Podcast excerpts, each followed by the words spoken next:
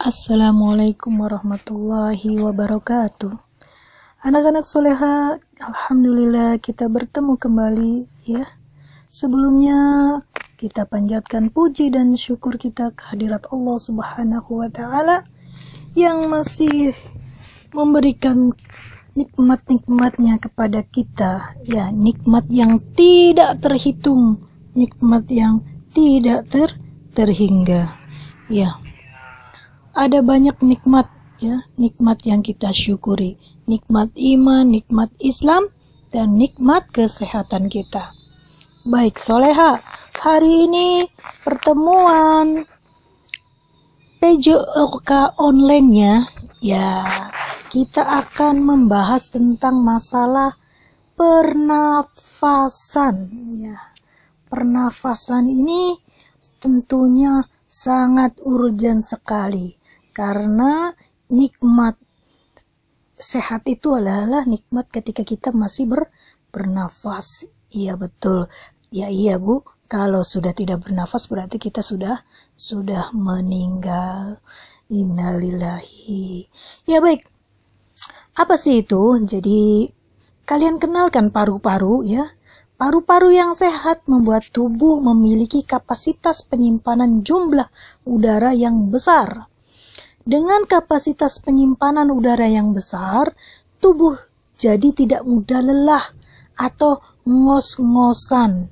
Nah, barang siapa yang suka ngos-ngosan nih, mudah lelah. Aduh, sepertinya ibu ya. Sayangnya, seiring berjalannya usia, kapasitas paru-paru akan menurun. Belum lagi jika kita mengalami, mengalami penyakit pernapasan seperti asma ya dan teman-temannya.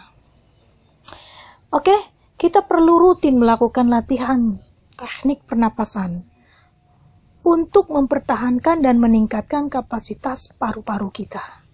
Wah, ini seru nih. Jadi ternyata ada tekniknya ya agar napas kita meningkat ya kapasitas paru-paru di dalam paru-paru kita. Ya bagaimana? Simak ya teknik latihannya pernapasannya seperti ini. Ya untuk teknik pernapasan paru-paru ya. Yaitu dengan cara satu ya dengan cara bagaimana kita meningkatkan fungsi paru-paru kita ya. Hal ini kakak sebelum kita masuk teknisnya biar kita lebih kuat lagi.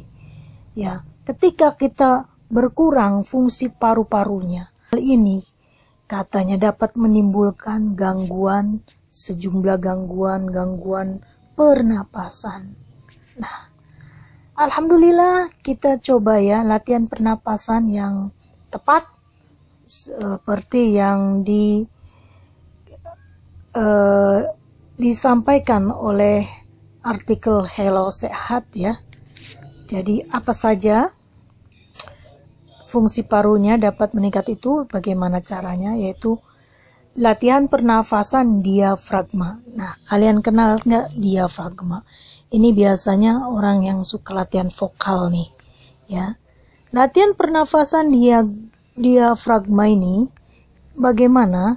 Yaitu latihan ini melibatkan diafragma yaitu apa? Bagian perut. Teknik yang satu ini disebut dapat membantu memudahkan usaha kita saat menarik nafas. Ya. Pada pernafasan ini, udara yang masuk akan membuat bagian perut terasa penuh. Sehingga mengembang sedangkan dada tidak bergerak banyak. Latihan ini setidaknya 5 menit dalam sehari. Konon kata si Hello sehat ini. Langkahnya bagaimana?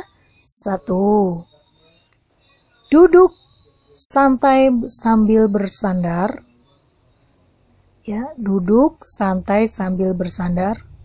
Letakkan satu tangan di perut Anda ya di perut kamu tuh diletakkan satu tangan aja kanan kiri kanan aja dan satu lagi di dada nah kiri di dada Satu tangan di perut, satu di dada. Sudah? Kemudian tarik nafas melalui hidung. Selama dua detik. Nah, ibu udah narik nafas duluan nih. Tarik nafas melalui hidung selama dua detik. Rasakan udara bergerak mengisi perut. Ditarik. Ya, rasakan ya. Ibu juga merasakan uh, selama dua detik itu udara bergerak mengisi perut. Rasakan perut Anda semakin penuh, bergerak membesar. Waduh, perut harus bergerak, bergerak lebih banyak dibanding dada Anda ya perutnya. Kemudian hembuskan napas selama dua detik melalui bibir yang terbuka kecil sambil merasakan perut mengempis. Oke? Siap? Ulangi ini nanti 10 kali. Tetap lemaskan bahu Anda sepanjang pengulangan dan jaga punggung tetap tegak selama berlatih pernafasan diafragma ini. Ya, yuk pada kesempatan ini, ya latihan pernafasannya kita melatih memakai teknik latihan pernafasan diafragma. Ya, 10 kali. 2 detik, 2 detik. Dihirup 2 detik, kemudian terasa masuk eh, ke dalam perut, kemudian keluarkan melalui bibir yang terbuka kecil. Sambil mengeluarkan ini, rasakan juga perutnya mengempis yang tadi perutnya waktu menghirup agak mengembang. Ketika dikeluarkan itu mengempis. Lakukan 10 kali ya. Bisa anak-anakku?